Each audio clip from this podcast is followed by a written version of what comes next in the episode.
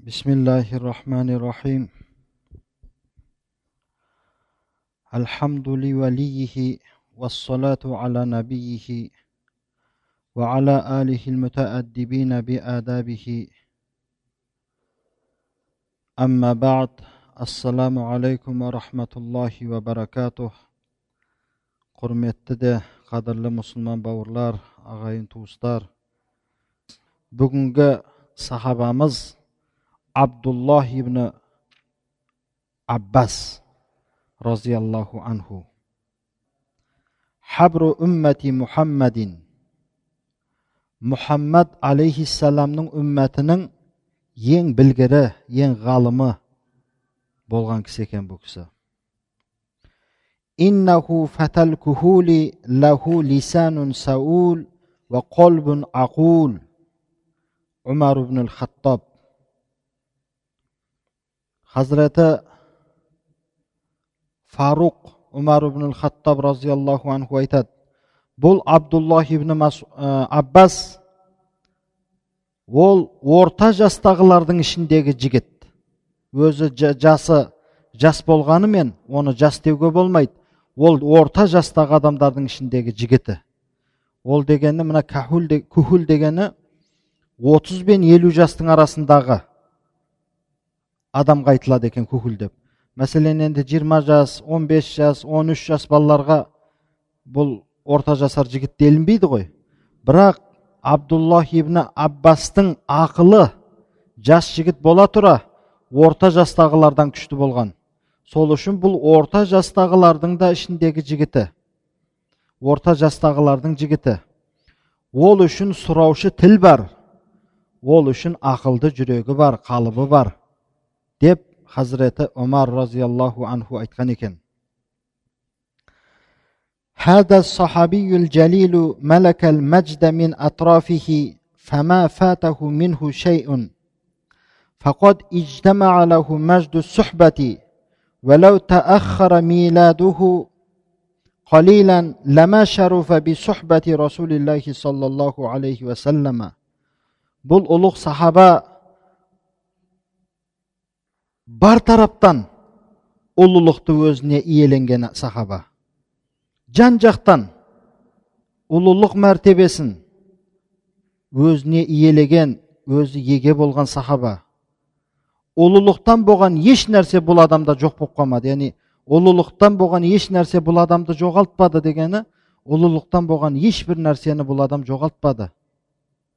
Бар тараптан бұл кемеліне жеткен ұлық сахаба болды ол үшін сахаба болу мәртебесі сахаба болу ұлылығы жиналды оның бойында қазір міне оның ұлылықтарын санап кетеді соның бірі ең оның бойында жиналған қасиеттердің бірі сахаба болу мәртебесі сахаба болу ұлылығы егер дейді оның туған жылы туылуы аз ғана кешіккенде еді. Ол әсте пайғамбарымыз саллаллаху алейхи уассаламға сахаба болу шарапатына еге болмас еді дейді. Қазір оның себебін айтамыз. Бұның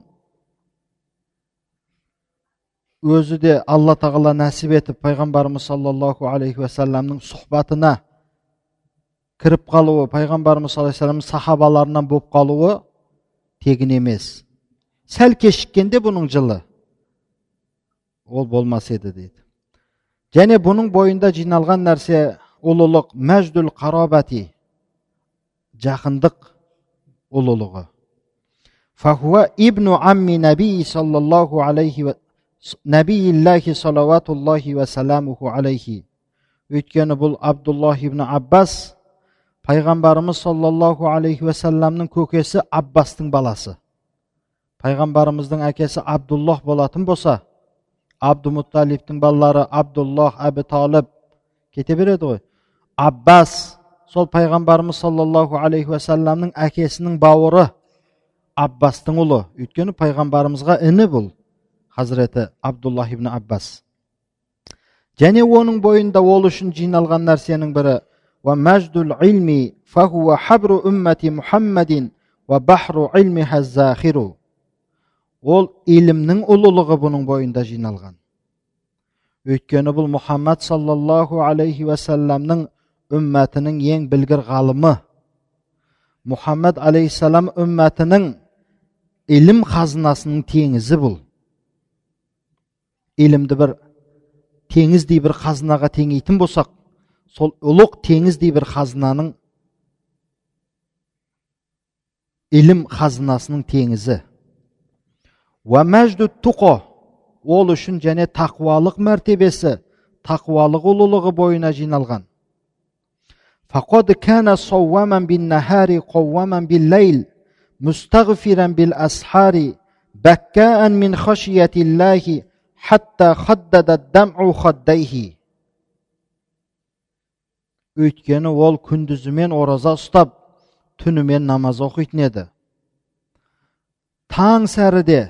алла тағалаға истиғфар айтып дұға қылатын еді. Өйткені дұғаның қабыл болатын уақыттарының бірінде осы таң уақытын айтады. Алла тағаладан қатты қорқып көп жылаушы еді. Көп жылағаны соншалық көзінен аққан жасы екі бетіне сызық сап қойған еді дейді.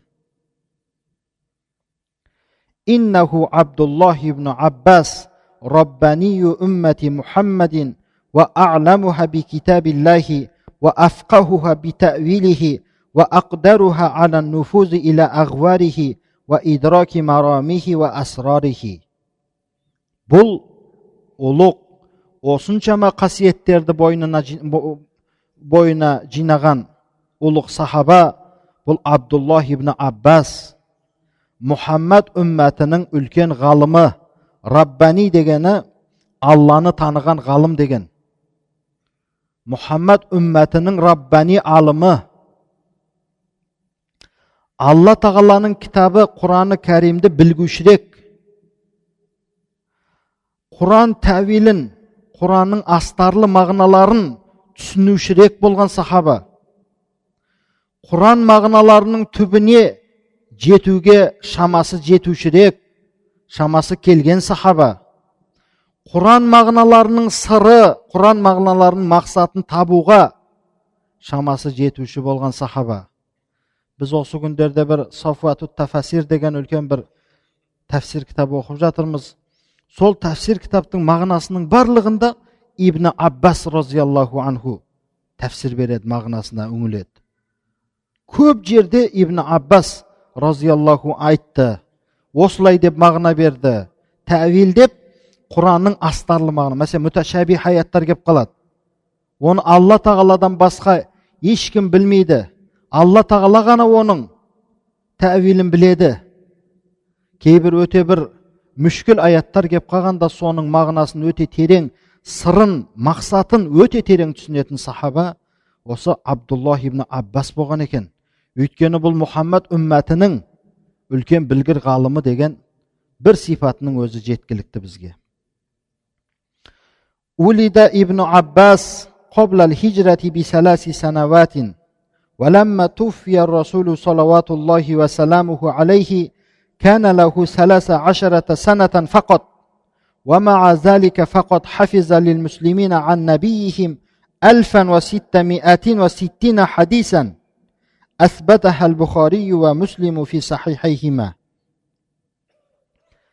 ابن عباس пайғамбарымыз саллаллаху алейхи уассалам меккеден мединеге хижрат етерден үш ақ жыл алдын туылды дейді демек пайғамбарымыз меккеде мәдинаға 622 жылы көшкен болса бұл кісі 619 жылы дүниеге келген екен пайғамбарымыз саллаллаху алейхи уассалам дүниеден өткен уақытта ибн аббастың жасы небәрі 13 ақ жаста болған екен міне сол үшін айтып тұр ғой егер сәл кешіккенде еді бұның туылған жылы ол пайғамбарымызға сахаба бола алмай қалатын еді дегені сол себептен.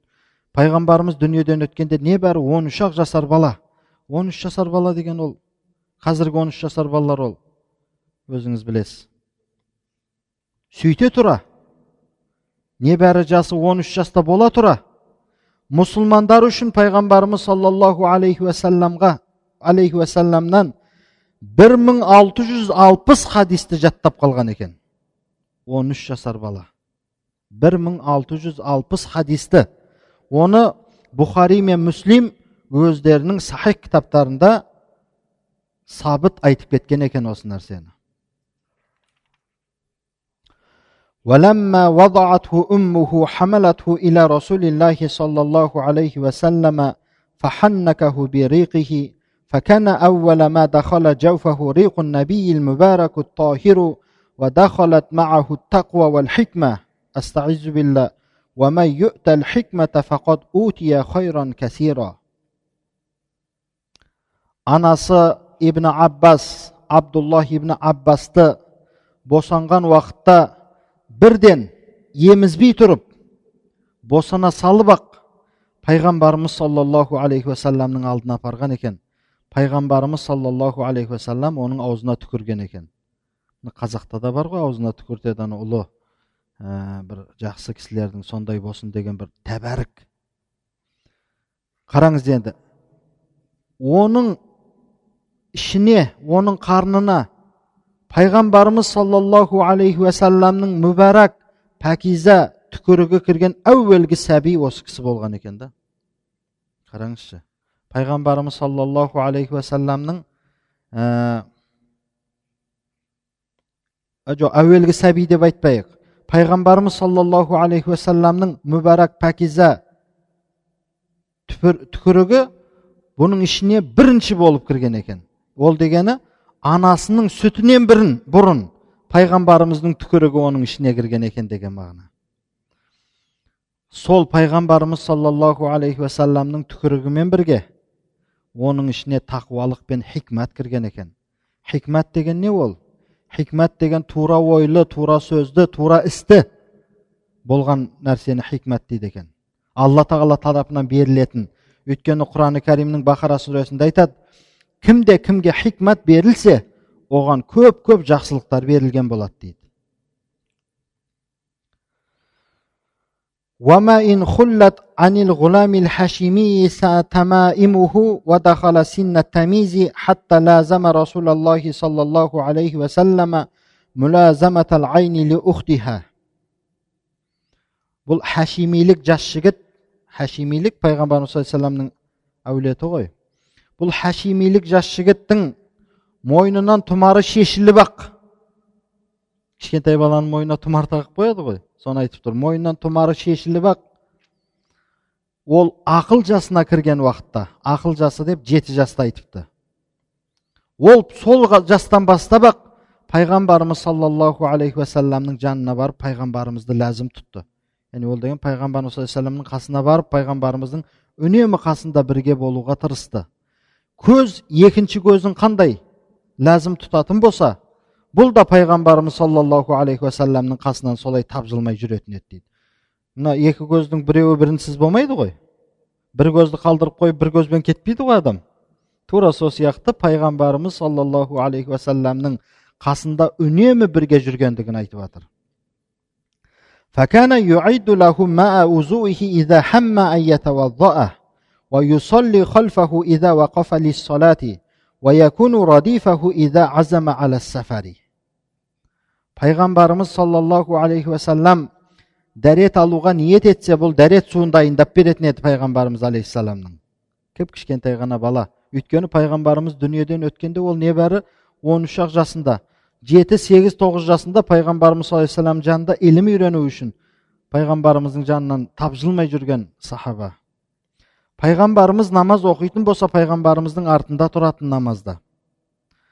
пайғамбарымыз бір жаққа сапарға шығатын болса пайғамбарымыз саллаллаху алейхи уассаламның артына мінгесіп жүретін сахаба еді бұл хатта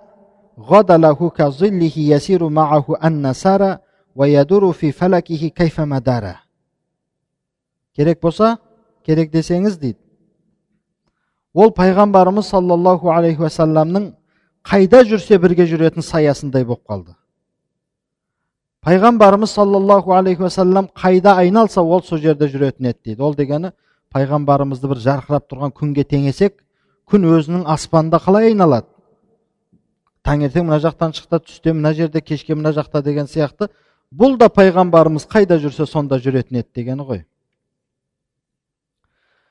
وهو في كل ذلك يحمل بين جنبيه قلبا واعيا وذهنا صافيا وحافظة دونها كل آلات التسجيل التي عرفها العصر الحديث сонысымен бірге ол өзінің ішінде пайғамбарымыз саллаллаху алейхи уассаламнан естіген сөздерін жаттап қалушы қалыбы мына бәйна жәмбайхи дегені жәніп адамның екі жағын айтады сол екі жанының арасында дегені іші тола дегені ғой.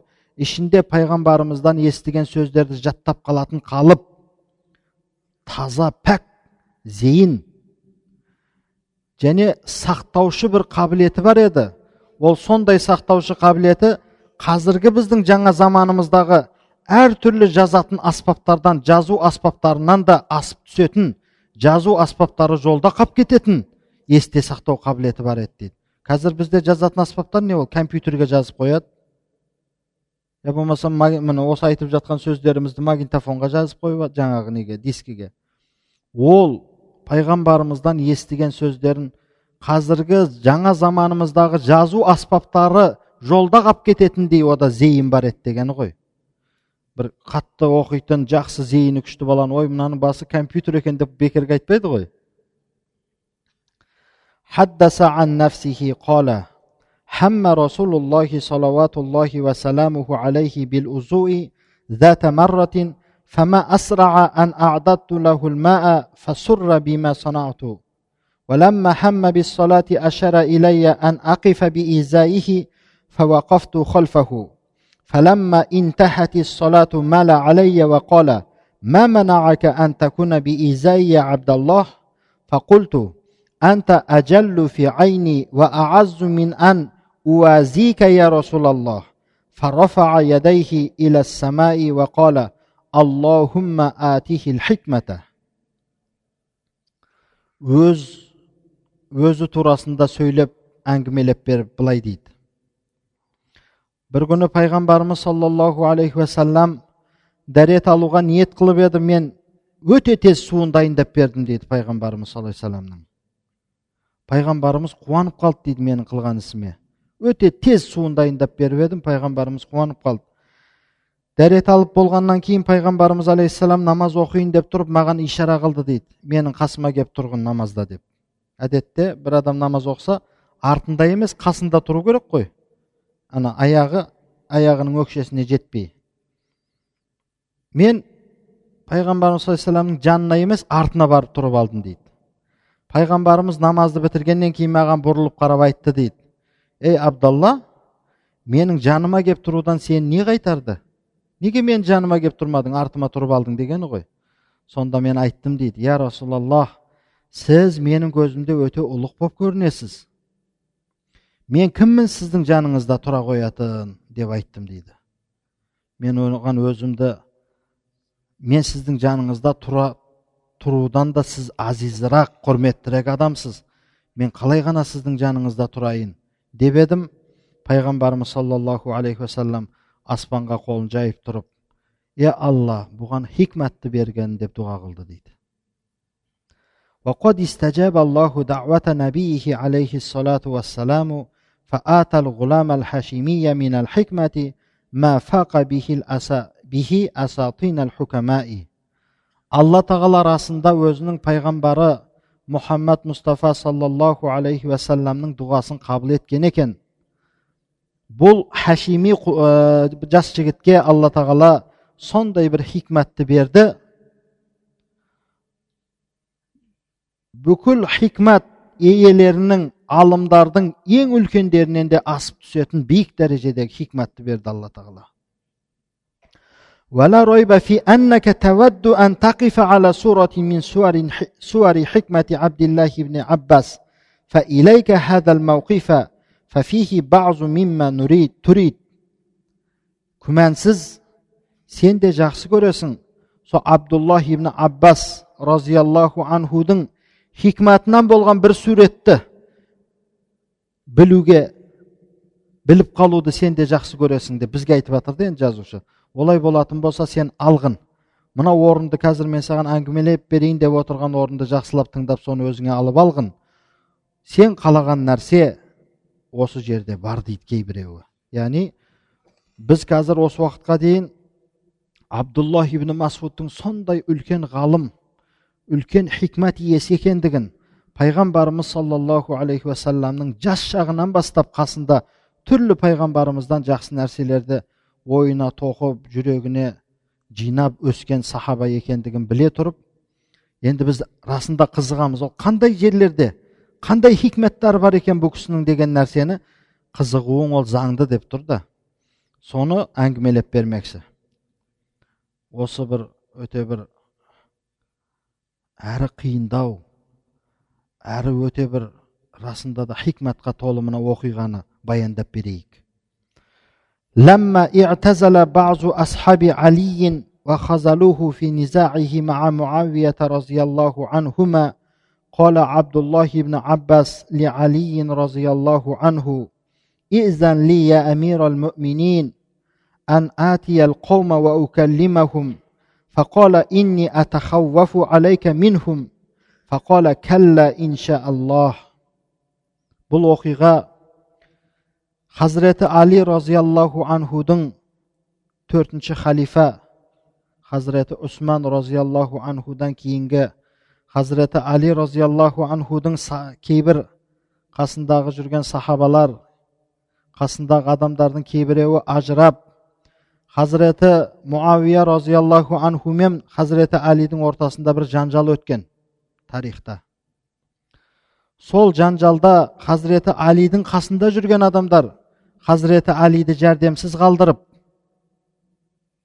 кеткен уақытта абдуллах ибн аббас али разиаллаху анхуға келіп айтты ей әмир әл мүминин маған ізін беріңіз яғни маған рұқсат етіңіз мен анау сізді тастап кеткен қауымға барып енді хазірет әлидің өзінің қауымы ол сол қауымға барып мен олармен сөйлесіп көрейін деді сонда хазіреті әли мен қорқамын сенен яғни олар саған бір зиян жеткізіп қоя ма деп қорқамын деді сонда хазіреті абдуллах ибн аббас алла қаласа еш нәрсе де жеткізе алмайды алла қаласа еш нәрсе де болмайды маған рұқсат етіңіз деп хазіреті алидан рұқсат алып ثم دخل عليهم فلم يرى قوما قط أشد اجتهادا منهم في العبادة فقالوا مرحبا بك يا ابن عباس ما جاء بك فقال جئت أحدثكم فقال بعضهم لا تحدثوه وقال بعضهم قل نسمع منك кейін қауымның ішіне кірді бұл хазіреті алидің хазіреті муавиямен болған жанжал кезінде хазіреті әлиді тастап кеткен хазіреті әлидің өзінің жақтастары солардың арасына кіріп сондай ғибадатқа берілген тақуадар пенделерді осы уақытқа шейін көрмеген еді. Сондай ғибадатқа берілген сондай бір намазға құлшылыққа берілген адамдардың арасына кіріп бұған абдуллах ибн аббасқа әлгі жамағат қош келдің ей ибн аббас! Не себеппен келдің яғни не, не неге келдің бұл жерге деп сұрады. Сонда хазіреті ибн аббас сіздермен сөйлесейін деп келдім дейді сонда ашуға мінген бағзылары кейбіреулері сөйлеспеңдер онымен деді а кейбіреулері болса саған құлақ саламыз не дейсің айта бер деді أخبروني ما تنقمون على ابن عم رسول الله وزوج ابنته وأول من آمن به сол кезде хазіреті ибн аббас қауымға айтып жатыр сендер расулалла саллаллаху алейхи уассаламның көкесінің баласы яғни хазіреті әлиді айтып жатыр ғой хазіреті әлиға қандай айып тағасыңдар неге оны тастап шығып кеттіңдер сендер ол пайғамбарымыз саллаллаху алейхи көкесінің баласы пайғамбарымыздың қызының күйеуі бірінші болып пайғамбарымыз саллаллаху алейхи уассаламға иман келтірген адамдардан болса сендер оған не ісін жек көресіңдер оның не айып тағасыңдар оған дегенде қолу жамағат айтты. Нанқиму алейхи саласата умурин біз оған үш істе айыптағанбыз деді.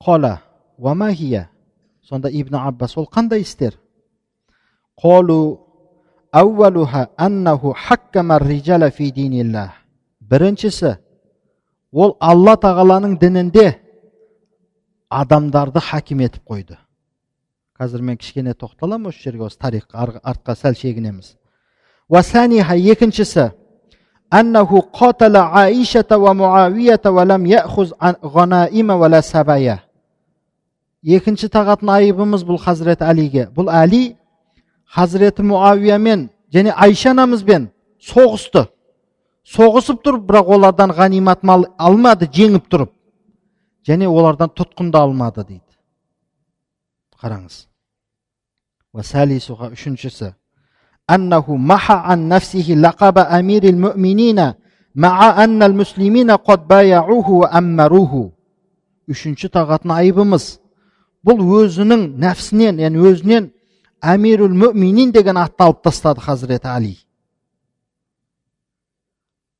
ал мұсылмандар оған барып байат қылып оны өздеріне әмір қылды ғой сөйте тұра ол өзінен әмирул мүминин деген атты алып тастады дейді енді қараңыз мен осы жерде кішкене мен тарихқа тоқтала кетейін хазіреті али хазіреті усман разиаллаху анху халифа қастандықпен өлтірілгеннен кейін ұлық сахабалардың кеңесінің ішінде хазіреті али хазіреті усманнан кейінгі ең лайық сахаба болып халифалықты мойнына алды ал сол кезде сол кезде хазіреті муавия бұл хазіреті усманның туысқандары еді. Өмәвилер дейді бұларды. Өзі тарихта пайғамбарымыз саллаллаху алейхи уассалам хазіреті әбу бәкір хазіреті омар ортада хазіреті усман одан кейін хазіреті али. Хазіреті усманнан бөлек хазіреті әлиге дейін умавилардан халифа болмаған еді.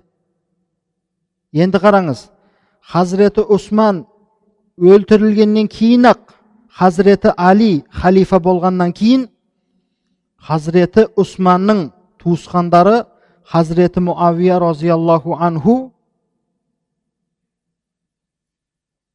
біз деді хазіреті усманның қанын хазіреті османды өлтіргендерден өш алмайымызша халифа сайламауымыз керек деді ал хазіреті али жақтағылар не деді?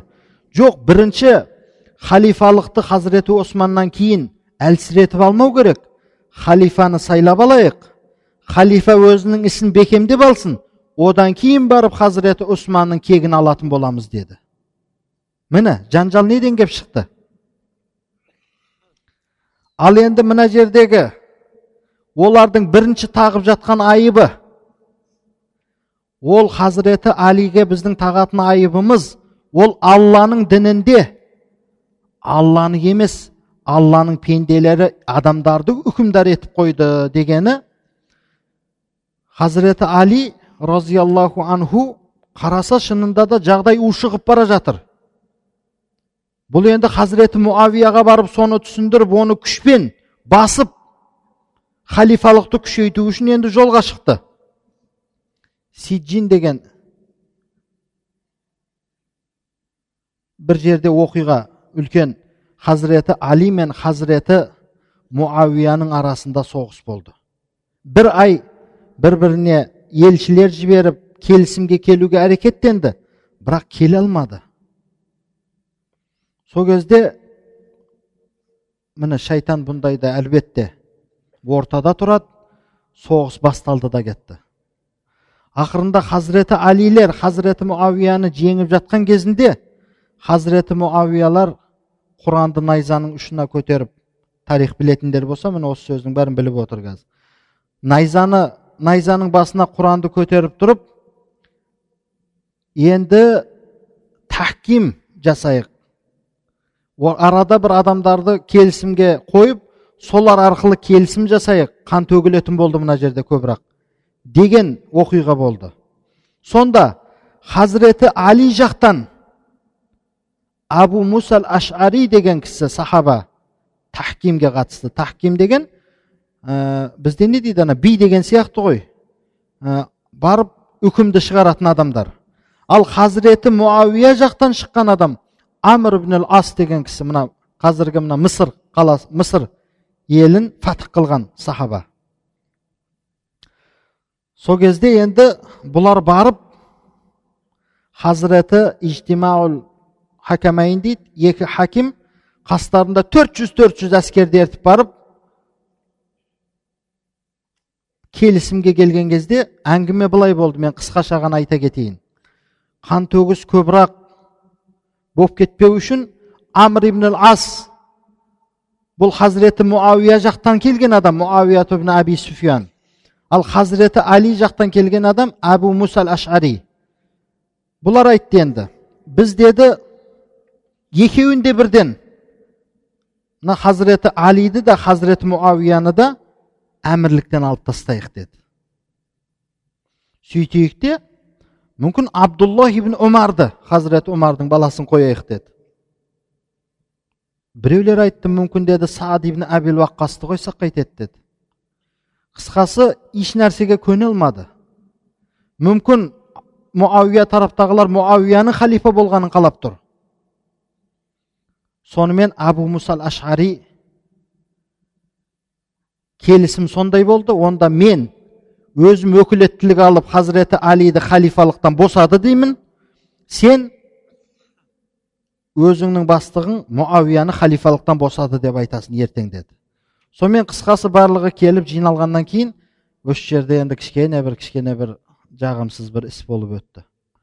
Амр ибн ас кішкене қиянат жасап қойды. Сіз енді бірінші шығып айтасыз деді ғой хазіреті абу мусал ашариға. Өзіңіздің әміріңіз хазіреті алиді әмірліктен мен босатамын өйткені хаким сайлады ғой екеуі. Сонда ойы тура абу муса ашари шықты да бірінші айта салды. Мен өзіме берілген өкілеттілікті пайдалана отырып өзімнің халифам мұсылмандардың халифасы хазіреті али разиаллаху анхуды халифалықтан босата тұрамын деді. Енді арада бір жанжал болып кетпесін деп. Сол кезде амр ибн ас разиаллаху анху сахаба ғой. Ол шықты да айтты сен босатсаң босат мен босатпаймын деп тұрып алды. Міне қандай жағдай болды? Соны айтып тұр мына жерде. А сол кезде хауариждер деген бір тайпа шықты. Білесіздер ғой? Хауариждер осы кезде пайда болып шықты. Лиллах деді олар. Үкім тек қана алла тағаладан болу керек. Неге бұл хазіреті али? Халифа бола тұрып екі хаким адамды алланың кітабына жүгінбестен адамдарды хаким етіп қойды өзі үкім алланың кітабымен болу керек қой деп хауариждер сол жерден бүлініп шықты сол кезде хазіреті али айтқан сөз бар екен айтып тұрған сөздері рас бұлардың өзі үкім алланың кітабымен болу керек бірақ ойлаған мақсаттары дұрыс емес деген екен да өйткені қазір мына жақта айтады себептерін бірінші тағатын айыбымыз осылай деді ал екінші айша анамызбен муавиямен соғысты сөйте тұрып тұтқынға алмады сөйте тұрып олардан ғанимат мал алмады дейді хазіреті али мәдинадан шықты мәдинадан кейін басра қаласына барды бірінші басрада хазірет айша анамыз расулалла саллаллаху алейхи уассаламнан кейін хазірет усманнан кейін айша анамыз да муавия тарафта болды ол да айтты халифалықтан бірінші хазіреті усманның өлтіргендердің кегін алып алуымыз керек деген сөзде болды айша анамыз да сөйтіп хазіреті алимен келіспей басра қаласына кетіп қалды. Сол басра қаласында барғанда ортада вақатул жамал деген оқиға болды. Пайғамбарым ә, хазіреті али мен айша анамыздың арасында да соғыс болып қалды ғой. Ашарай мүбәшшаралардан болған зубайр ибн ауам мен талхат ибн убайдуллах убайдуллах ибн талха екеуі айша анамыздың жанында болатын бұлар жеңді білесіздер ме сол кезде айша анамыздың айналасында қаншама сахаба ақырында ана түйенің аяғын кесіп тастап айша анамызды құтқарып қалды ғой сөйтіп хазіреті али разиаллаху анху айша анамызды басрадан медина қаласына қайтарып жіберді сабаңызға түсіңіз енді жағдай түсіндірмекші болды ғой сөйтті де өзі ары қарай енді шам қаласына ол жерде муавия әлгі өзінің әскер басы болған амр ибн астарға барып жағдайды шешпекші болып өйткені жағдай ушығып бара жатыр сол хазіреті алидің ә, міне ортада фитнашылар ғой бұл жерде ұтатын соны айтып жатыр мына айып таққандар. Өзі пайғамбарымыз алейхисалам бір соғыстан ғанимат мал алып сабая тұтқындарды алып келуші еді. Ол үйткен жоқ хазіреті әли жеңіп тұрып бұл тұтқынды алған жоқ ғанимат малды алып келген жоқ дейді. Қазір бұның да себебін хазіреті ибн аббас түсіндіреді. Үшіншісі өзінің жаңағы әмирул мүминин деген атын өзінен алып тастады деді. Жаңа ол жағдайды айтып өттім ғой. Хазіреті әли тараптан барған абу мусал ашғари өзіне берілген өкілеттілікті пайдаланып иә хазіреті әли әмирул мүминин деген аттан алынып тұра тұрсын қашан бір келісімге келгеннен кейін мұсылмандар өзіне қалаған әмірін сайлап алады деген келісіммен әмирул мүминин деген атты алып тастады ғой. Соны айтып жатыр е мұсылмандар оған байат қылып оны әмір қылып сайлағаннан кейін неге ол өзінің атын алып тастады? Сонда мұсылмандардың оған көрсеткен құрметіне ол аяқ асты қарады ма? Деген сияқты жағдаймен осы үш бірдей айыпты хазіреті алиден айып тағып олар хазіреті алиден бөлініп шығып кетті. Қазір айтады қанша адам екенін фақола жалпы түсіндіңіздер ғой? Мен мына кішкене тарихқа тоқтала кеттім. Ол мына мына жерде айтылмаған. Фақола араайту мин асмаътукум мин китабиллахи ва хаддастукум мин хадиси расулиллахи ма ла тункирунаху афатаржиуна амма антум фихи сол кезде хазіреті абдуллах ибн аббас айтты. Не дейсіздер егер мен сіздерге қазір алланың кітабы құраннан естіртсем айтып берсем пайғамбарымыз саллаллаху алейхи уассаламның хадистерінен қасиетті құраны кәрімнен сондай бір сөздерді естісем сіздер оны инкар қылып қайтара алмайтын бір сөздерді айтсам сіздер ойларыңыздан қайтасыздар ма деп шарт қойды ибн аббас енді бұл алым адам ғой сонда әлгі адамдар айтты иә қайтамыз егер расында да бізге бір керемет дәлелмен айтып беретін болсаң біз теріс ойымыздан қайтамыз деді енді қараңыз қола أما قولكم إنه حكم الرجال في دين الله فالله سبحانه وتعالى يقول أستعذ بالله. يا أيها الذين آمنوا لا تقتلوا الصيد وأنتم حرم. ومن قتله منكم متعمدا فجزاء مثل ما قتل من النعم يحكم به ذوى عدل منكم. أنشدكم الله. أفحكم الرجال في حقن دمائهم وأنفسهم وصلاح ذات بينهم أحق أم حكمهم في أرنب ثمنها ربع درهم мына жердегі мына ғажапты қараңызшы ғалымның аты ғалым ғой сіздер айтып жатқандай хазіреті али алланың дінінде хакам сайлады алланың кітабына жүгінбей адамдарды хакам етіп қойды деген сөздеріңізге мен былай деп айтайын алла тағала құраны кәрімде айтады ей иман келтірген момын мұсылмандар сендер қажылық кезінде ихрамда бола тұрып харам жерлерде аңды өлтірмеңдер. Кімде кім? Кімде кім? Біле тұрып қасақана дегені ғой бір аңды өлтіріп қоятын болса өзі хұрымда тұрып. Оның жазасы сол өлтірген малдың өлтірген аңның қиматын бағасын төлеу болады оның жазасы. Ал оған үкім етеді. Сіздерден болған екі әділ кісі дейді. Мағынасын түсіндіңіздер ғой аяттың. Сөйтіп тұрып айтып жатыр. Алланы ортаға қосып тұрып сұраймын дейді. Құдай үшін дегені ғой. Адамдарды қанын сақтап қалу үшін олардың арасында жанжал болмастан олардың арасында бір бірлік болу үшін адамдарды хакам етіп қойған хақлырақ лайығырақ құны төрт дирхам тұрмайтын қоянға да алла тағала құраны кәрімде адамдарды хакам етіп қойып тұр ғой.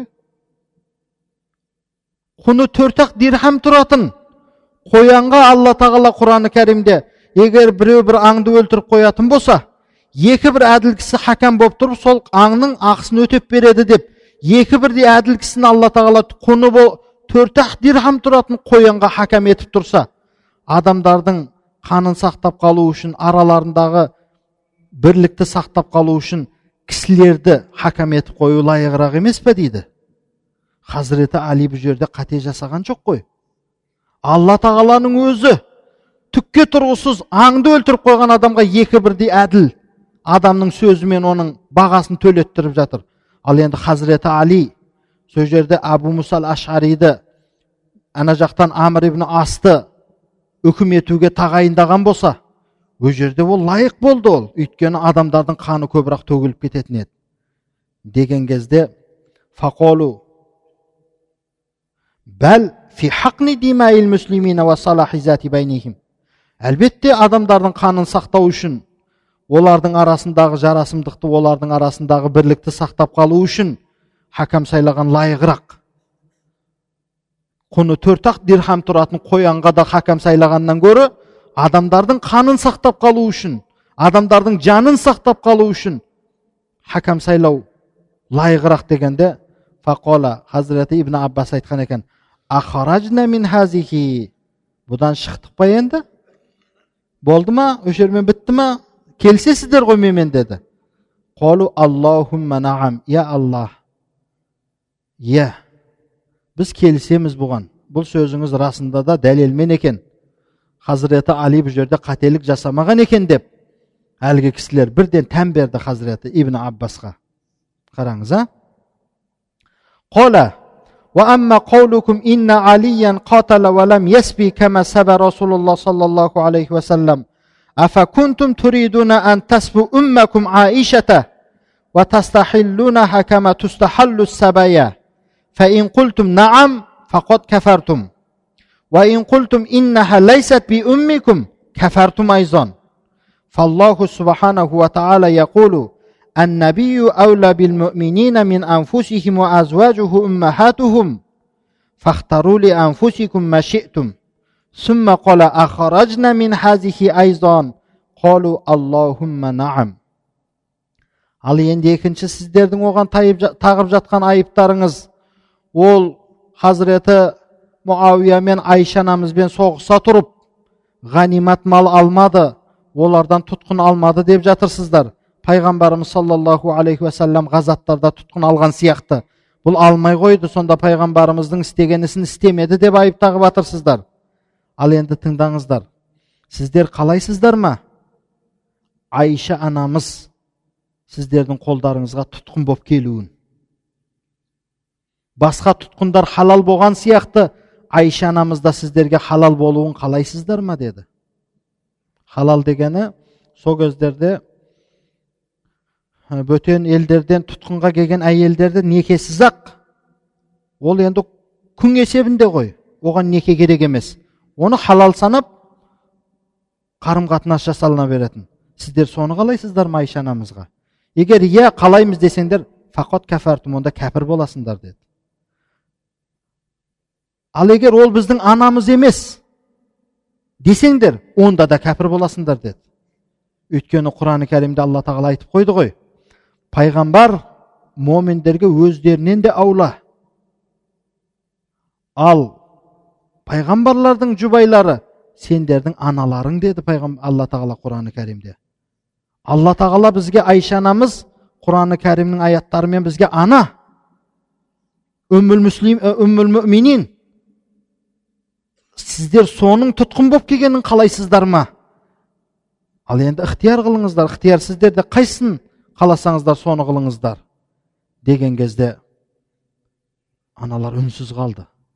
бұдан да айтты бұдан да шықтық па енді деп еді олар иә бұдан да шықтық шынында тән берді хазіреті ибн аббасқа бұл екінші жағдай қола وأما قولكم إن عليا قد محى عن نفسه لقب إمرة المؤمنين فإن رسول الله صلى الله عليه وسلم حين طلب من المشركين يوم الحديبية أن يكتبوا في الصلح الذي عقده معهم هذا ما قضى عليه محمد رسول الله قالوا لو كنا نؤمن أنك رسول الله ما صددناك عن البيت ولا قاتلناك ولكن اكتب محمد بن عبد الله فنزل عند طلبهم وهو يقول والله إني لرسول الله وإن كذبتموني فهل خرجنا من هذه فقالوا اللهم نعم ал енді үшінші хазіреті алиге тағып жатқан айыптарыңыз хазіреті али өз нәпсінен момындардың әмірлігін әмирүл мүминин деген атты алып тастады деп жатырсыздар сіздер білесіздер ме пайғамбарымыз саллаллаху алейхи уассалам худайбия келісімі деген келісім болған тарихта пайғамбарымыз алейхисалам сахабаларымен байтуллахты бетке алып умра жасауға бара жатқан уақытта қажылыққа мүшриктер пайғамбарымызды меккеге кіргізбей алдынан тосты сонда пайғамбарымыз саллаллаху алейхи уассалам мен мүшриктердің арасында бір келісім қол қою керек болды бір келісімге келу керек болды сол кезде мүшриктер пайғамбарымыздан худайбия келісімінде талап қылды пайғамбарымыз былай деп жазып жатыр еді бұл үкім яғни бұл келісім бұл келісімге келген мұсылмандар жақтан мұхаммад расулуллах алланың елшісі мұхаммад деген сөзді жазған кезде мүшриктер айтты егер біз сізді алланың расул екендігіңізге иман келтірсек біз сізді бұл байтуллаға кіруден тоспаған болар едік біз сізбен соғыспаған болар едік біз сізді расулулла деп тән алмаймыз сол үшін сіз мұхаммад ибн абдулла деп жазыңыз мұхаммад ибн абдилла деп жазыңыз деді.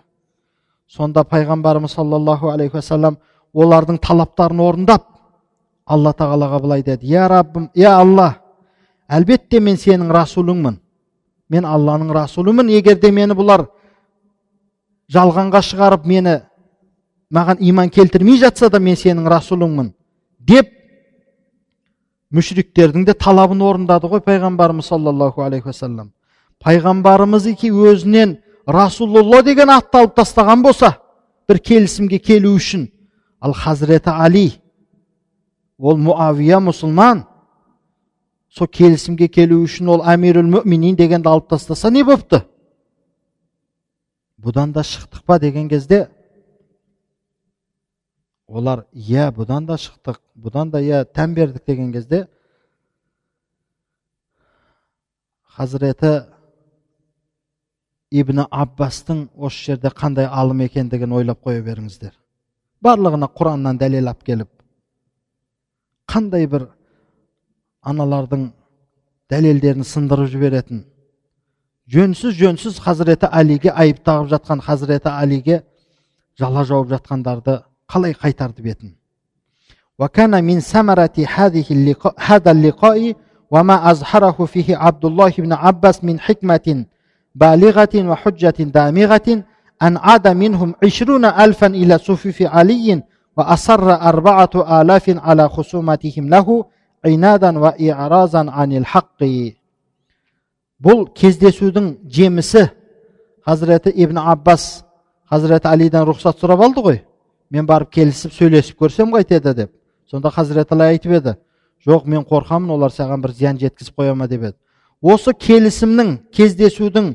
жемісі абдулла ибн аббас сол кездесуде керемет хикматты сөздерді оларға жеткізді миларына құйды сенімді құжаттарды келтірді сонда жиырма мың адам қайтадан хазіреті алидің сабына барып қосылған екен қалған төрт мың адам хақтан бет бұрып тәкаппарланып хазіреті әлиға дұшпан күйінде қалып кеткен екен төрт мың адам сонда жиырма төрт мың адам қарсы шығып кеткен болса ибн аббастың аз ғана сөйлесуінің нәтижесінде жиырма мың адам қайтып хазіреті алидің сабына кеп қосылып бізден білместік болды біз бекерден бекерге хазіреті алиге бір айып тағып жатыр екенбіз деген екен да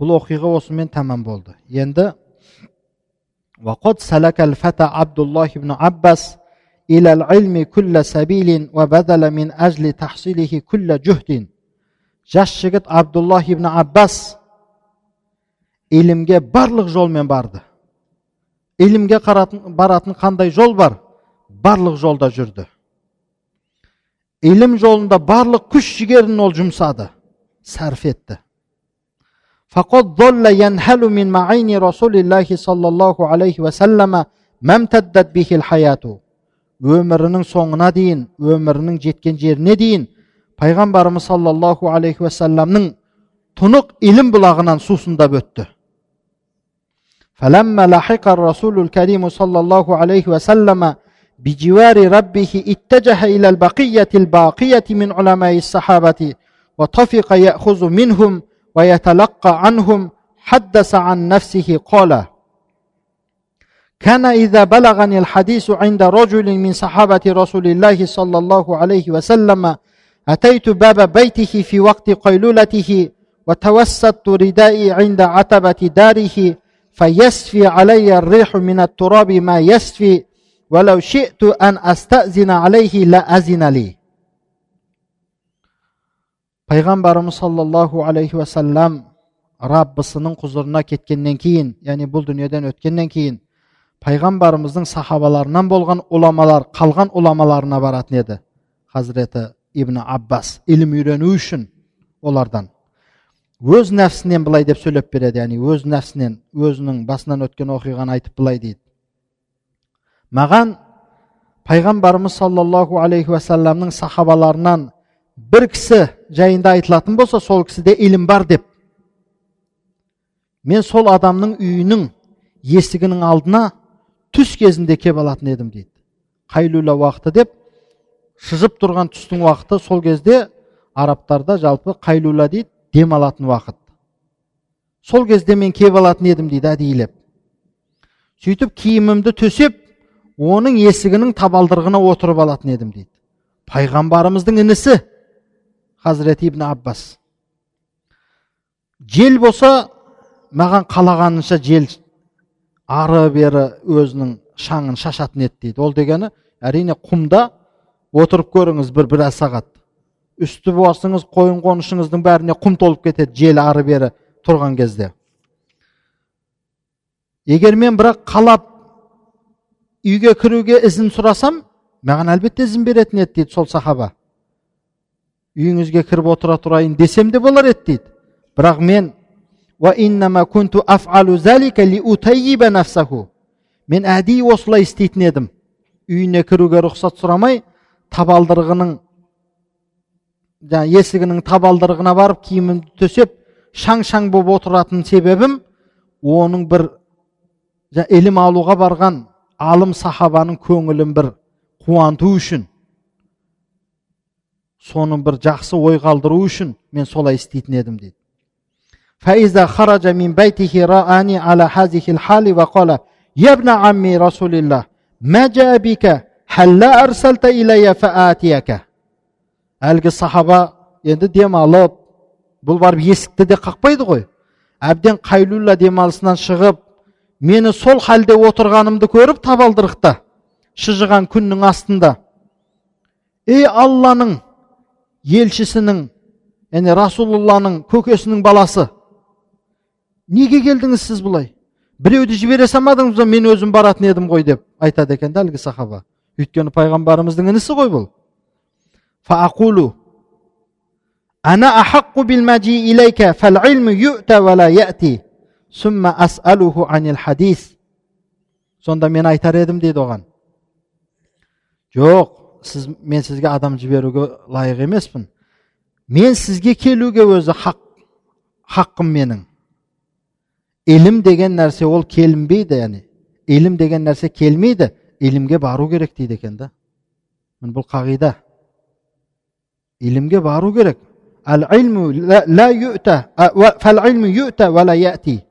ілімге келінеді ілімге бару керек бір ілім өзі келмейді ол дегені ілім алатын ғұламаның алдына бару керек басты иіп құрметін жасап ол келіп сізге кім болсаңыз да ілім беріп кетуге ол илімнің хақ ол емес деген нәрсені айтқан екен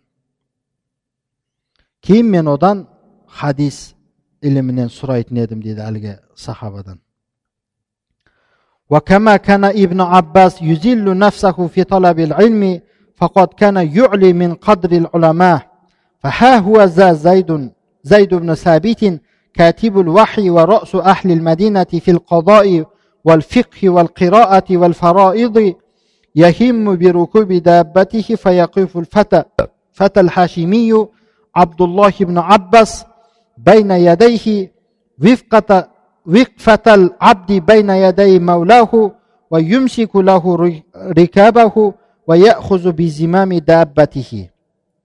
يعني عند بروخي غنايت aytib. Ибн аббас илім талап қылу жолында қалай өзінің нәпсін қорлаған болса енді нәпсіге жағады дейсіз ба шыжып тұрған қайнаған күннің астында шаң шаң болып табалдырықта біреуді күтіп отыру әрине ол адамның нәпсіне жақпайды бұл ибн аббас нәпсін илім алу үшін илім талап қылу үшін қалай қорлаған болса сол дәрежеде ғұламалардың қадірін биікке көтеретін еді дейді өзінің нәпсін қалай қорласа ғұламалардың қадірін дәрежесін биікке көтереді. Өзі пайғамбарымыздың көкесінің баласы бола тұрып. Егер тәкаппарлық қылып маған ана сахаба келіп дәріс беріп кетсін десе ол сахаба жүгіріп келіп дәріс беретін еді. Қараңыз дейді анау зәйд ибн сәбит пайғамбарымыз саллаллаху алейхи уассаламға түскен уахиді жазушы болған зәйд ибн сәбит. Ол мәдина әхлінің үкім етудегі фиқ іліміндегі қырағаттағы фарайыз іліміндегі басы болған адам. Фарайыз ілімі дегені яғни қаза ол үкім ету қазылық. Фиқ фиқ ілімі қырағат қырағат ілімі фараиз дегені тәрика. Яғни адамның артынан қалған мирас ілімін көп адам біле бермейді.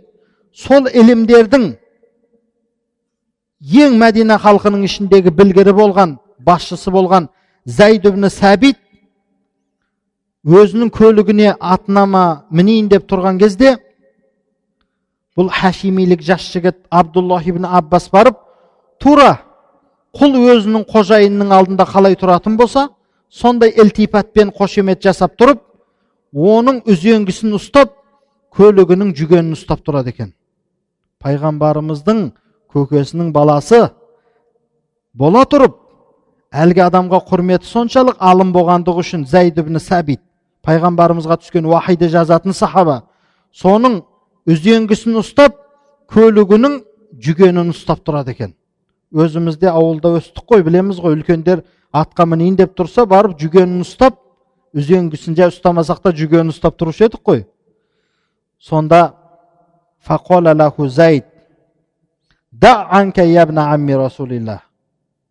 зайд ибн сәбит айтқан екен ей тек тұрыңыз ей пайғамбардың көкесінің баласы бұныңыз не?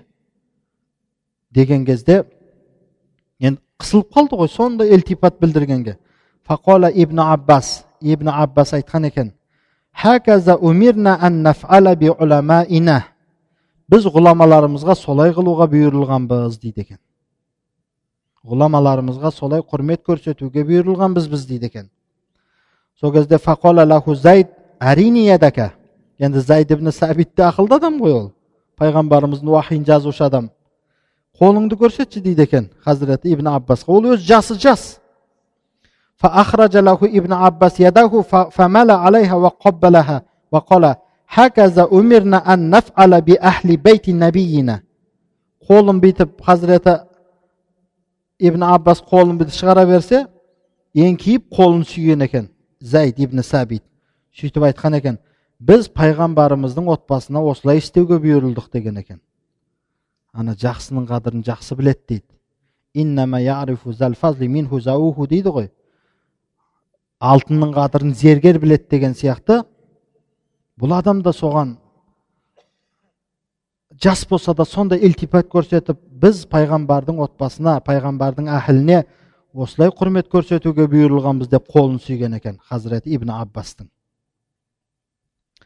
وقد دأب ابن عباس على طلب العلم حتى بلغ فيه مبلغا أدهش الفحولة فقال فيه مسروق بن الأجدع أحد كبار التابعين كنت إذا رأيت ابن عباس قلت أجمل الناس فإذا نطق قلت أفصح الناس فإذا تحدث قلت أعلم الناس ибн аббас илім талап қылуға жан тәнімен кірісті сол дәрежеде сол бір дәрежеге жетті ол еркектерді таң қалдыратын менмін деген адамдарды таң қалдыратын илім дәрежесіне илімнің биік шыңына жетті ол жөнінде табииндардың үлкендерінен бірі болған масруқ ажда деген кісі табиин деп пайғамбарымыздың сахабаларын көрген адамдарды айтады сол кісі айтқан екен мен ибн аббасты көрсем адамдардың ішіндегі ең әдемісі деп айтатын едім дейді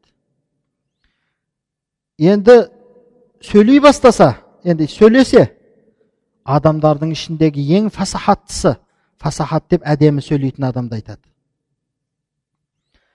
Енді әңгімелей жөнелсе мен айтар едім дейді адамдардың ішіндегі ең білушірек екен ғой деп айтатын едім дейді. Бір адамға қарап тұрып үш нәрсені айтып тұр да қарасаң адамдардың ішіндегі ең әдемі шырайлы ең әдемі адам деп айтар едім. Бір сөз сөйлесе адамдардың ішіндегі ең фасахаттысы фасахат деп сондай бір жақсы сөйлейтін тілінде түйіні жоқ хикмат берілген адамды айтады ғой ал әңгімелей бастаса ең білгір адам деп айтар едім дейді ولما اكتمل لابن عباس ما طمح إليه من العلم تحول إلى معلم يعلم الناس فأصبح بيته جامعة للمسلمين ибн аббас өзі ентілген өзі талпынған ілімде сондай бір кемеліне жетті ол енді адамдарға ілім үйрететін мұаллім болып қалды оның үйі мұсылмандар жиналатын жәми болып қалды дейді біз мешіттерді университеттерді медреселерді жәми дейміз ғой сондай адамдар жиналатын жәми болып қалды оның үйі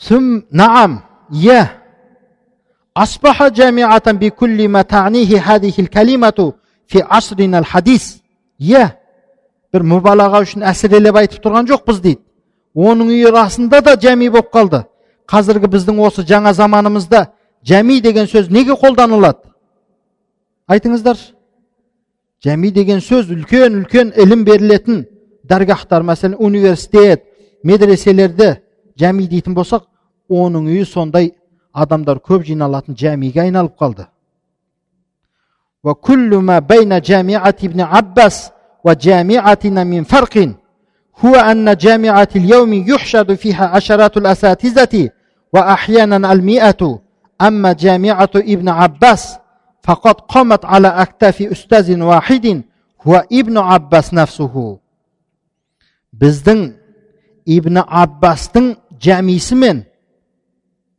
қазіргі біздің айтып тұрған біздің қазіргі кездегі жәмилердің арасында үлкен парық бар үлкен айырмашылық бар. Біздің қазіргі күндегі жәмилерімізге адамдарға уағыз айту үшін адамдарға білім беру үшін ондаған ұстаздар жиналып алып білім береді. Кей кезде жүздеген ұстаздар жиналып кетеді. Мәселен біздің бір ғана медресені алайықшы. Он шақты ұстаз дәріс береміз. А бірақ ибн аббастың жәмисі ол бір ғана ұстаздың мойнында болатын еді ілім үйрету. Ол ибн аббастың өзі еді. Оның қасында бір найыптары оның қасында бір жәрдемшілері оның қасында бір ілімді беріп отыратын жәрдемшісі де болмаған. Өзі мұғалім еді дейді. Міне құрметті жамағат біз қанша пайдалы нәрселерді оқып жатырмыз мына жерден. Кей кезде ілімді адамдарға ұстаздарға ғалымдарға құрмет көрсету десе кейбір бір ақылы таяздар. Ұстаз бөлмеге кіріп келсе орнынан тұруды да құп көрмейді. А мына жерде не істеп тұр? Пайғамбарымыздың көкесінің баласы деген ол пайғамбарымыздың інісі болған ибн аббас орнынан тұру былай тұрсын. Көлігінің жүгенін ұстап иіліп құл өзінің қожайынының алдында қандай ілтипат көрсетсе қалай еңкейсе солай еңкейіп үзеңгісін ұстап тұрып ғалымдарды мінгізіп жатыр екен. А біздер әхіл илімдер илімді адамға ұстаздарға ғалымдарға қандай құрметте болуымыз керек екендігін осы жерден үйренуіміз керек. Біз оқыған жерлерде шәкірттер былай тұрсын. Ұстаздарымыз мешітке кіріп келгенде бүкіл мешіт жамағат орнынан тұратын. Ол алымға құрмет. Ол сол халыққа уағыз айтып жатқан мұаллимге құрмет. Одан халық сауап алмаса күнә алмайды. Тура сол сияқты кейбір өкінішке қарай мешіт былай тұрсын кейбір ілім беретін жерлердің өзінде ұстаз бөлмеге кіріп келгенде орнынан тұру ширк дейтіндер де бар. Наузубилля қандай парасатсыздықпен айтылған сөз.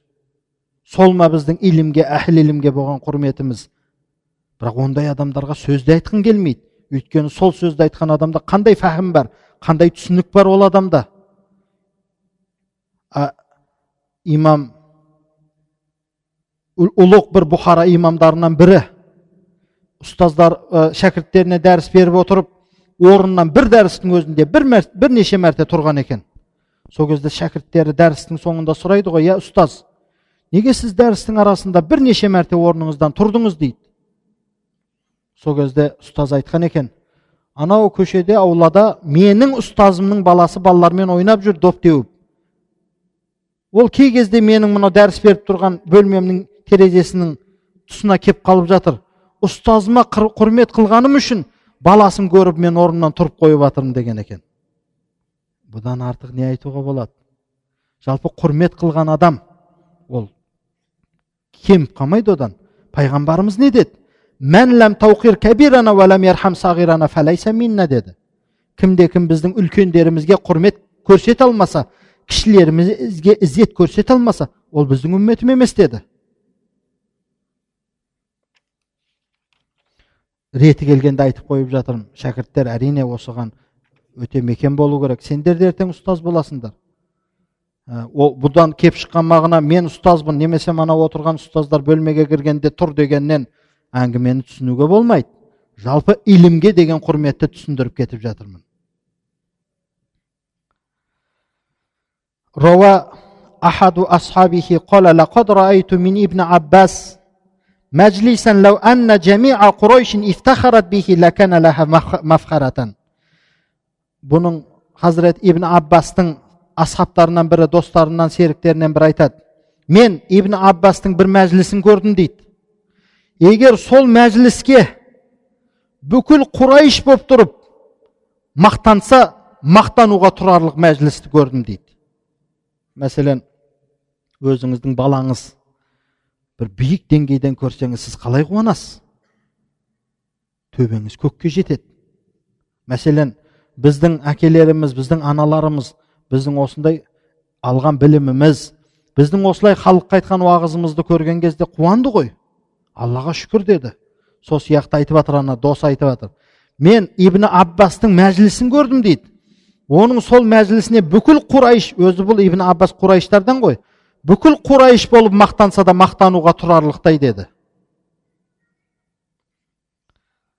فلقد رأيت الناس اجتمعوا في الطرق المؤدية إلى بيته حتى ضاقت بهم وسدوها في وجوه الناس فدخلت عليه وأخبرته بإحشاد الناس على بابه فقال ضع لي وضوءا فتوضأ وجلس وقال أخرج وقل لهم من كان يريد أن يسأل عن القرآن وحروفه فليدخل فخرجت فقلت لهم فدخلوا حتى ملأوا البيت والحجرة فما سألوه عن شيء إلا أخبرهم به وزادهم مثل ما سألوا عنه وأكثر мен дейді адамдарды көрдім дейді бір күні оның үйіне алып келетін оның үйіне келетін жолды жауып тастаған жолға жиналып қалған адамдар өте алмайтындай қылып жол, жолды жауып тастаған сондай үйінің алдына илім сұрауға келген адамдардың көптігін айтып жатыр мен кіріп айттым дейді ибн аббасқа. Сіздің есігіңіздің алдында адамдар көп болып жиналып қалды. Көше толып кетті адамдар өте алмай жатыр көшеден. Не істейміз дегенде айтты дейді. Сен бір дәретке су қойшы депті. Дәретке су қойып дәретін алып болғаннан кейін отырып алып айтты дейді маған. Сен шықты адамдарға айт дейді. Кімде кім құраннан және құранның харфтерінен бір мәселе сұрағысы келсе кірсін деп айтқан дейді. Мен шығып адамдарға айттым дейді. Құран мәселесінен сұрағысы келгендер кірсін фихтан басқадан сұрағысы келгендер тұра тұрады да енді қараңыз бұл жерде бір әдіс қолданды ол кісі құран мәселесінен сұрағысы келгендер кірсін деп едім адамдар үйге кіріп үйді хужраның барлығын бөлмелерді толтырып отырды дейді сөйтіп ибн аббастан өздерінің құран мәселелерінен сұрай бастады олар сұрағаннан да артығырақ қылып жауап берді оларға сондай хабар берді кейін айтты дейді оларға қарап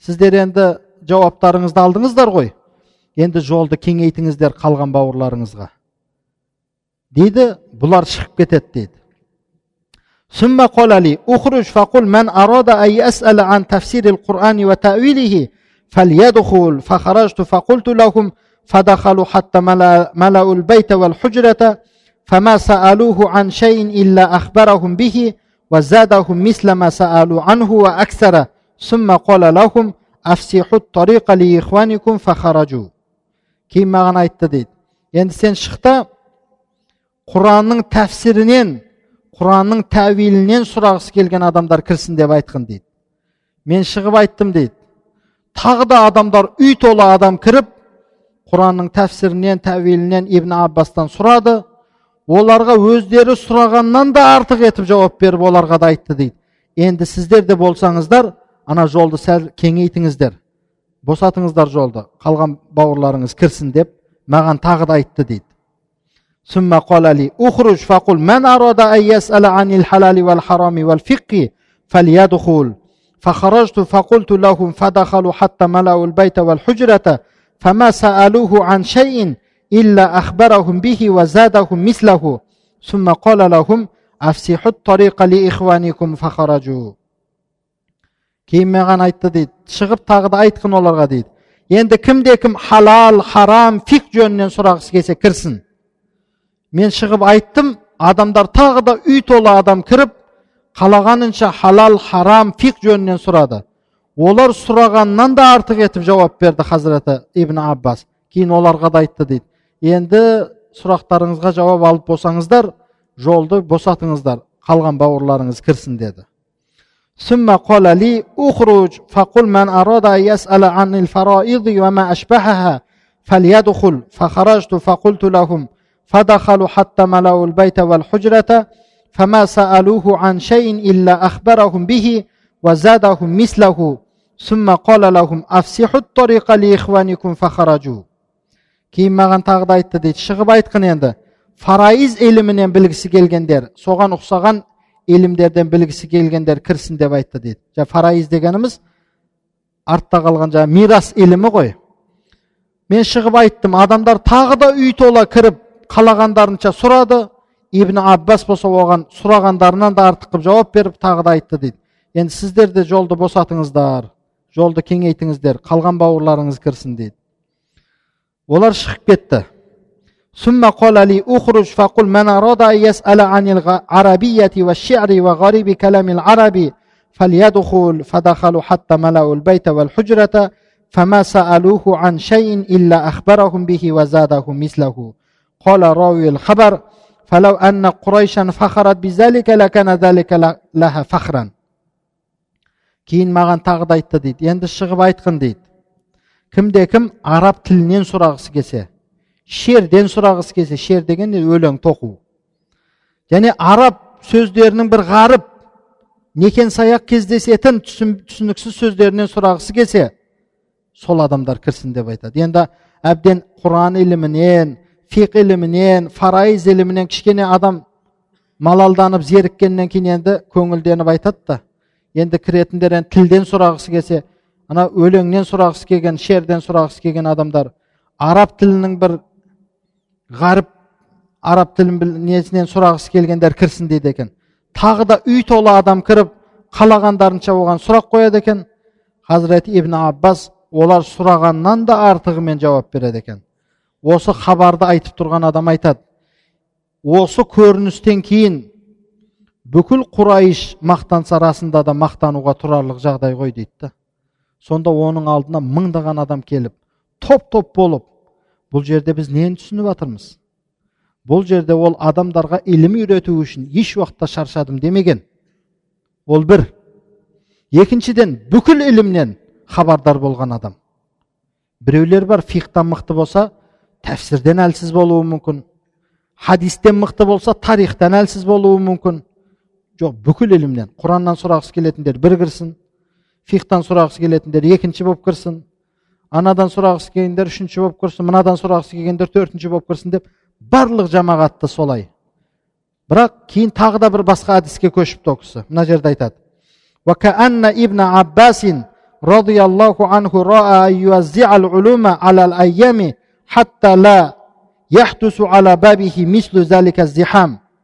Солай адамдар есігінің алдына көшені жауып толып топтанып қала бергеннен кейін енді ибн аббас разиаллаху анху сондай бір пікірге келді ілімді енді күндерге бөліп қояйық есіктің алдында адамдар топтанып қалмау үшін ілімді әр күнге бөліп қояйық мәселен фасора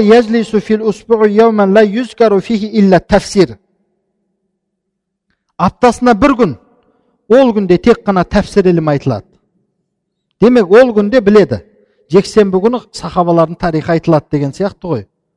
Жұма күні жұма уағыз айтылады деген сияқты. Және аптасына бір күн белгіленді ол күнде тек қана фиқ айтылады.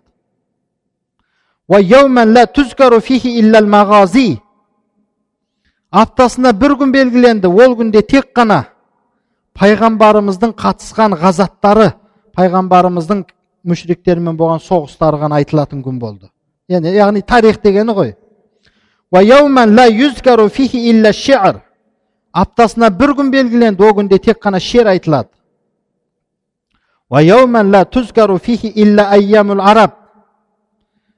Бір күн аптасына белгіленді ол күнде тек қана араб тілі араб күндері ғана айтылады. Тіл бола ма оның ішінде? Арабтардың басқа да бір жағдаяттары болады ма?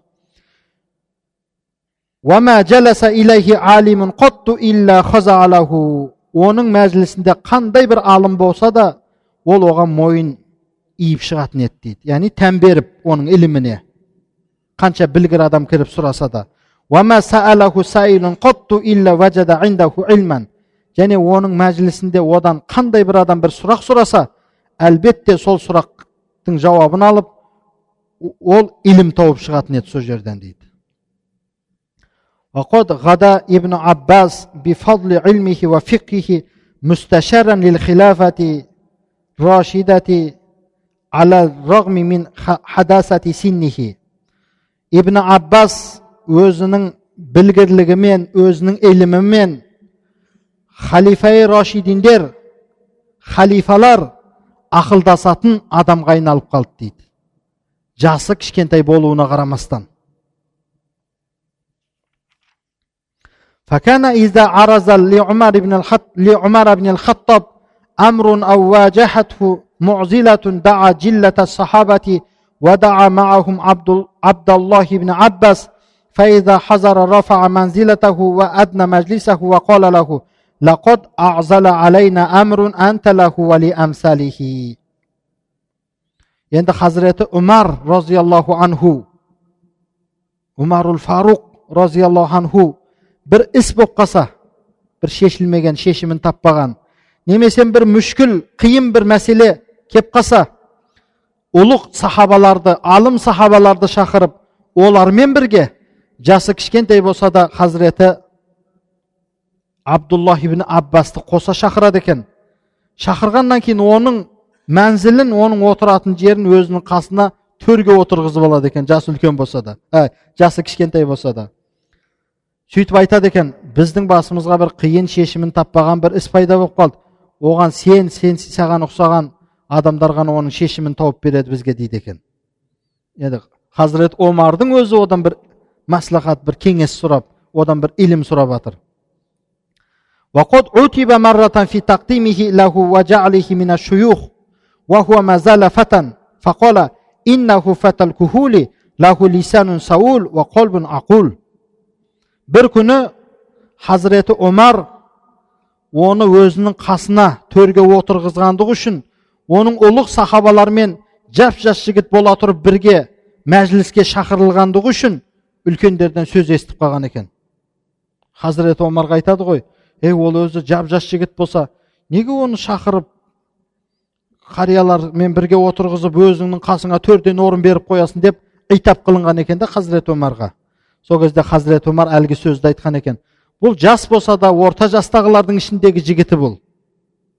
Бұның сұраушы тілі бар бұның білуші қалыбы бар бұның ақылды қалыбы бар деген сөзді айтқан екен сол кезде.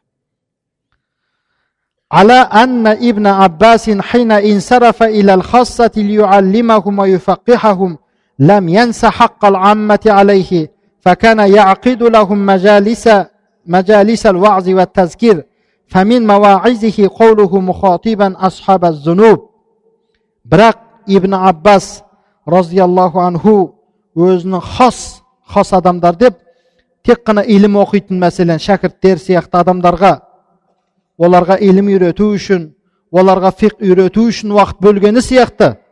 Ол қарапайым халықты да ұмытқан жоқ әсте дейді.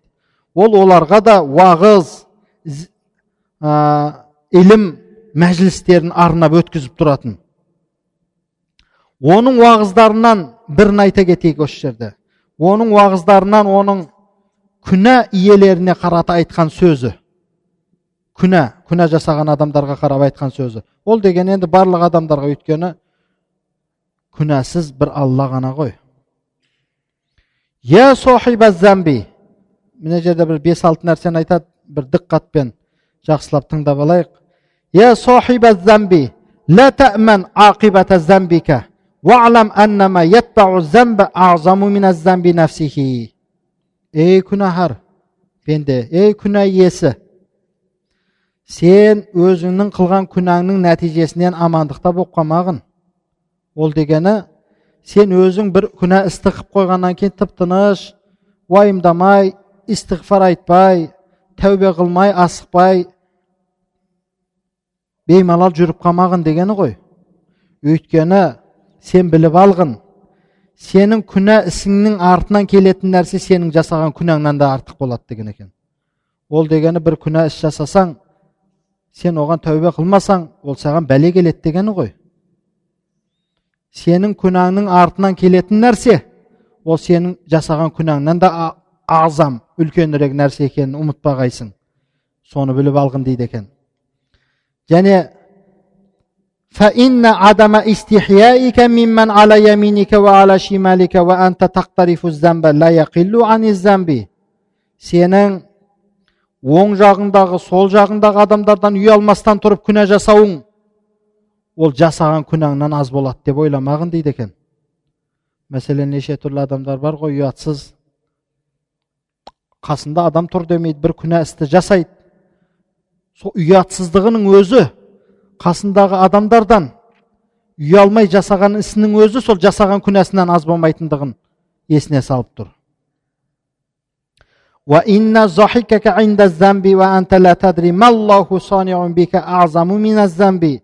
Сен күнә қылатын уақытта күліп тұрып күнә қылуың алла тағала сол күнәңнен кейін саған не істейтінін білмейсің ғой алла тағала саған күнә істеп қойғаннан кейін не істейтінін білмей тұрып күнә істі қылуың бұл сенің күнәңнен де ауыр деген екен шынында да қаншама адам күліп тұрып күнә жасап жатыр. Бірақ артынан білмейді ғой алла тағала оған не істейтінін. Күле ма жоқ көзінен сора саға ма оның?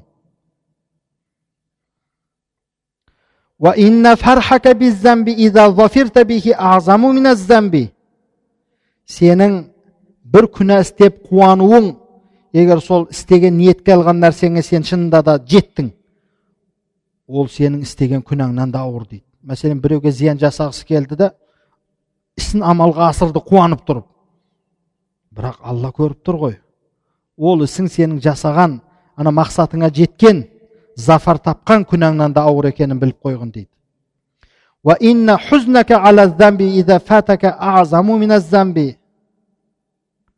Сенің бір күнә істі істеп қойып сол күнә іске қапа болуың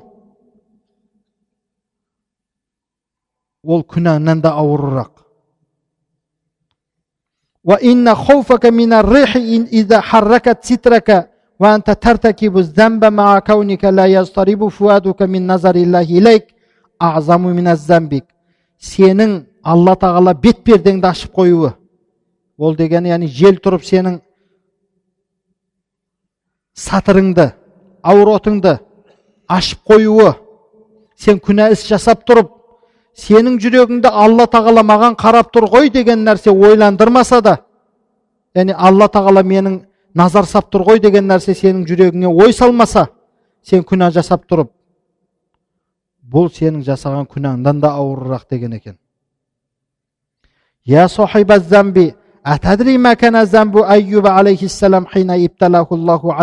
ма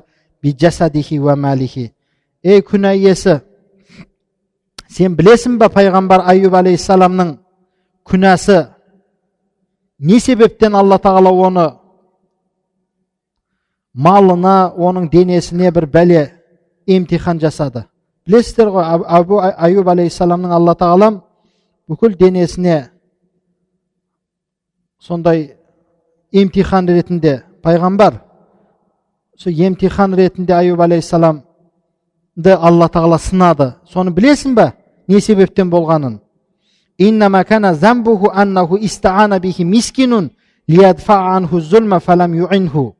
Өйткені аюб алейхисаламнан бір мискин зұлымдықты қайтару үшін жәрдем сұраған уақытта аюб алейхисалам соған жәрдем бермей қойып еді. Сол үшін алла тағала оған сондай емтихан берді деген екен.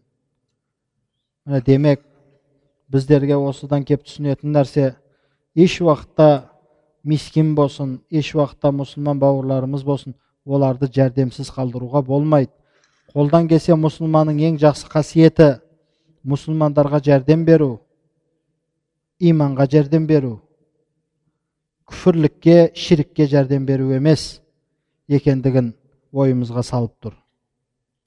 ولم يكن ابن عباس من الذين يقولون ما لا يفعلون وينحون الناس ولا ينتهون وإنما كان صوم نحر قوم ليل ибн аббас разиаллаху анху өзі істемеген істерді айтатындардан емес еді дейді мен түнімен тұрып намаз оқимын деп біз айтсақ біз өтірікші болып қаламыз өйткені біз түнімен тұрып намаз оқымаймыз ғой ибн аббас ондай адамдардан емес еді құран кәрімде айтып бір аят бар ғой өздері істемеген іспен мақтанғанды жақсы көретін де адамдар бар дейді адамдарды өзі қайтпаған нәрседен қайтаруға да әрекет жасайтын адам емес еді дейді өзі бір істен қайтып өзі бармайтын істі өзі қылмаған істі басқаларға айтпайтын ол күнімен ораза ұстап түнімен намаз оқитын адам еді أخبر عنه عبد الله بن أبي مليكة وقال صحبت ابن عباس رضي الله عنه من مكة إلى المدينة فكنا إذا نزلنا منزلا قام شطر الليل والناس نيام من شدة التعب ولقد رأيته ذات ليلة يقرأ أستعذ بالله وجاءت سكرة الموت بالحق ذلك ما كنت منه تحيد فظل يكررها وينشج حتى طلع عليه الفجر абдуллах ибн әби мүләйка деген кісі айтады хабар беріп мен ибн аббас розиаллаху анхумен мекке, меккеден мәдинаға баратын бір жолда серік болып қалдым дейді біз бір жерге келіп түскен кезде яғни демалуға тоқтаған кезде түн ортасында ол тұрып намаз оқыды ал адамдар болса жолдың ауырлығынан шаршап ұйықтап жататын еді.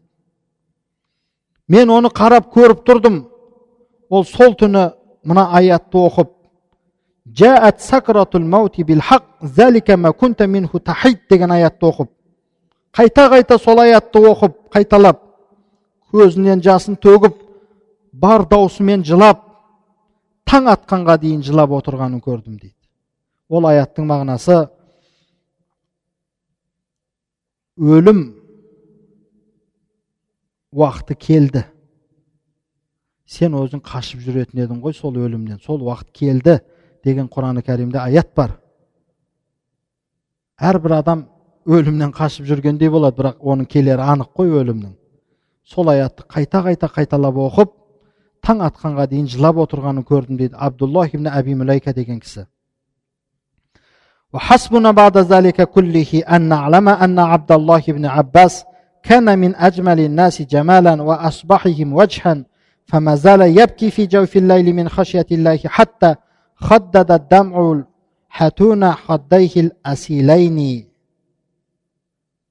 осы айтылған нәрселердің барлығынан бізге енді жетеді білуіміз әлбетте абдуллах ибн аббас ол адамдардың ішіндегі ең әдемісі болған екен ол адамдардың ішіндегі ең жүзі жарығы жүзі ашығы болған екен ең алымы болған әрине ол алла тағаладан қорыққанда түн ортасында тұрып жылағандығынан оның аққан көз жасы бетіне сызық сап қойған екен біз соны білуіміздің өзі жетіп артылады ғой дейді وقد بلغ ابن عباس من مجد العلم غايته ибн аббас илім мәртебесінде оның шыңына жеткен еді қазір соны айтпақшы мына жерде ذلك أن خليفة المسلمين معاوية بن أبي سفيان خرج ذات سنة حجا وخرج عبد الله بن عباس حجا أيضا ولم يكن له صولة ولا إمارة فكان لمعاوية موكب من رجال دولته وكان لعبد الله بن عباس موكب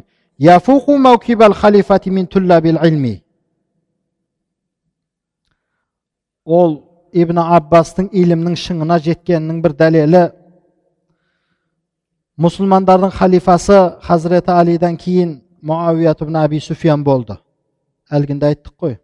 Біздің ақидамызда біз бір ойға барып қалмайық осы жерде. Хазіреті али мен хазіреті муавия халифалық үшін таласыпты. Неге ол хазіреті муавия хазіреті алидан сонда халифалықты күшпен тартып алды ма деген пенделік ойға барып қалмауымыз керек. Бұл жерде де бір хикмат бар. Бұл жерде біздің ақидамызда валам ялан язидан бағда сивал миксари фи ғали деп келеді. Муавияны язид ибн муавия деген муавиядан кейінгі баласы да халифа болды. Оны ешкімнің артынан лағнет айтуға хақы жоқ. Тек қана сөзді көбейтіп адамдардың арасына фитна салушы адамдар ғана айтуы мүмкін. А бірақ басқа адамдар біздің ақидамызда ондай жаман сөздерді айтпайды. Сол мұсылмандардың халифасы болған муавият ибн аби суфиян бір жылы хаж жасауға шықты. Тура сол жылы абдуллах ибн аббас та қажылық сапарға шықты. Бірақ абдуллах ибн аббаста ондай бір күш қуат ондай бір басшылық ол бір момындардың әмірі немесе бір қаланың әкімі деген емес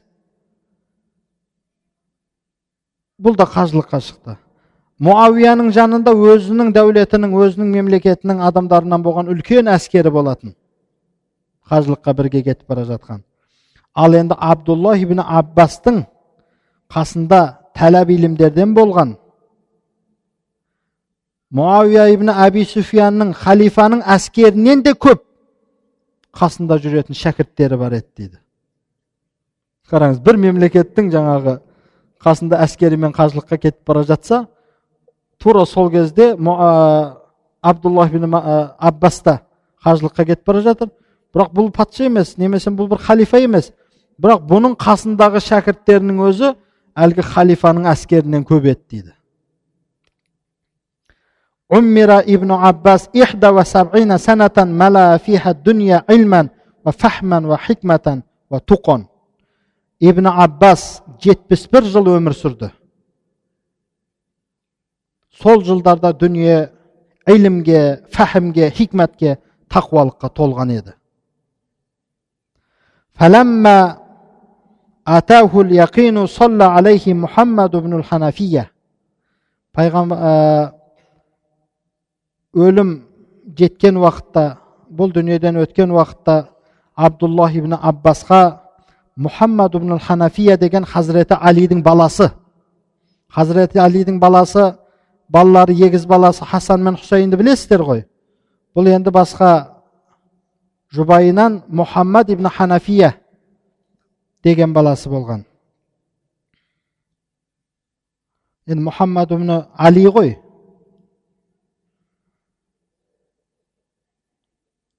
Өйткені бұл не, не үшін бұны мұхаммад ибн ханафия десек өйткені бұның анасы бәни ханифа қабиласынан болғандығы үшін мұхаммад ибн али деместен мұхаммад ибн ханафия деп лақап берілген екен да.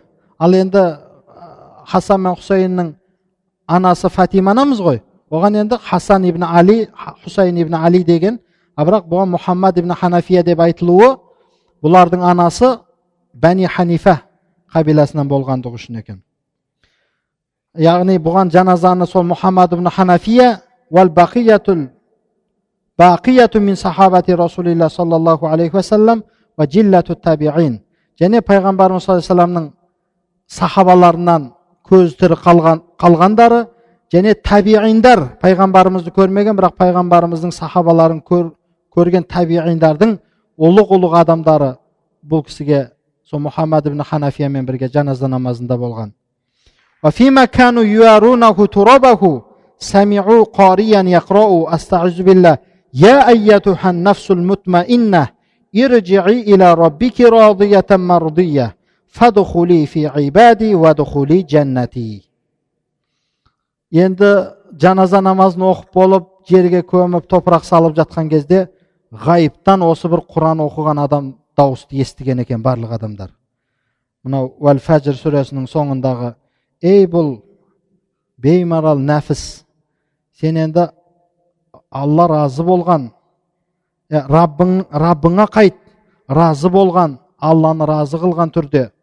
Менің пенделерімнің ішіне кір менің жәннатыма кір деген мағыналардағы аят міне осы разы болған халде менің жәннатыма менің пенделерімнің ішіне кір деп хазіреті абдуллах ибн аббасқа арнайы оқылып жатқан аяттарды естіген екен бірақ кім оқып жатқанын білмейді ол қабірдан шығып жатыр ма ол ғайыптан келіп жатқан дауыс па оны ешкім білмеді топырақ сап жатқан адамдардың барлығы сол дауысты естіген екен дейді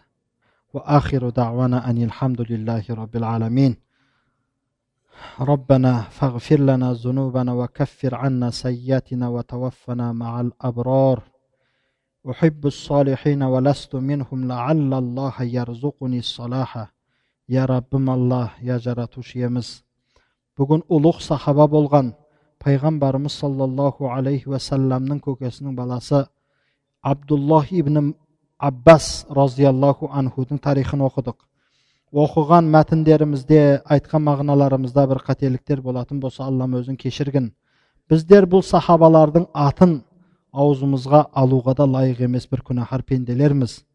Күнәларымызбен мағрур болып қалудан күнәларымызбен амандықта болып қалудан алла тағалам өзің біздерді сақтағын. Я раббым алла абдуллах ибн аббас разиаллаху анху қандай бұл үмметтің ең білгірі ең ғалымы? Құран іліміне құран сырына құран мағынасына қандай терең үңілген сахаба болатын болса біздерге де алла тағалам өзің пайдалы ілім хикмәтті алла тағалам біздерге нәсіп еткін я раббым алла өзіңнен ғана жәрдем сұраймыз өзіңе ғана сыйынамыз өзіңнен қол жайып сұраған пенделерді еш уақытта құр алақан қайтармайсың я раббым алла біздің шәкірттерімізді де үлкен үлкен білімді азаматтар болуын аллам өзің нәсіп еткін мына медресе қабырғасында жүріп шайтанның сөзіне еріп илімнен алланың нұрынан махрұм болып қалудан алла тағалам өзің сақтағайсың. Шәкірттеріміздің жүрегіне алла тағалам өзің қайрат бергін алла тағалам өздерің шәкірттеріміздің ілімге деген махаббаттарын алла тағалам өзің күшейткін. Я раббым алла бізді өзің тура жолыңнан адастырмағын ихдина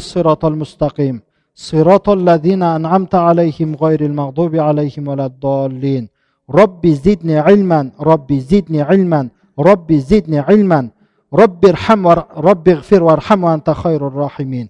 برحمتك يا أرحم الراحمين. الله أكبر.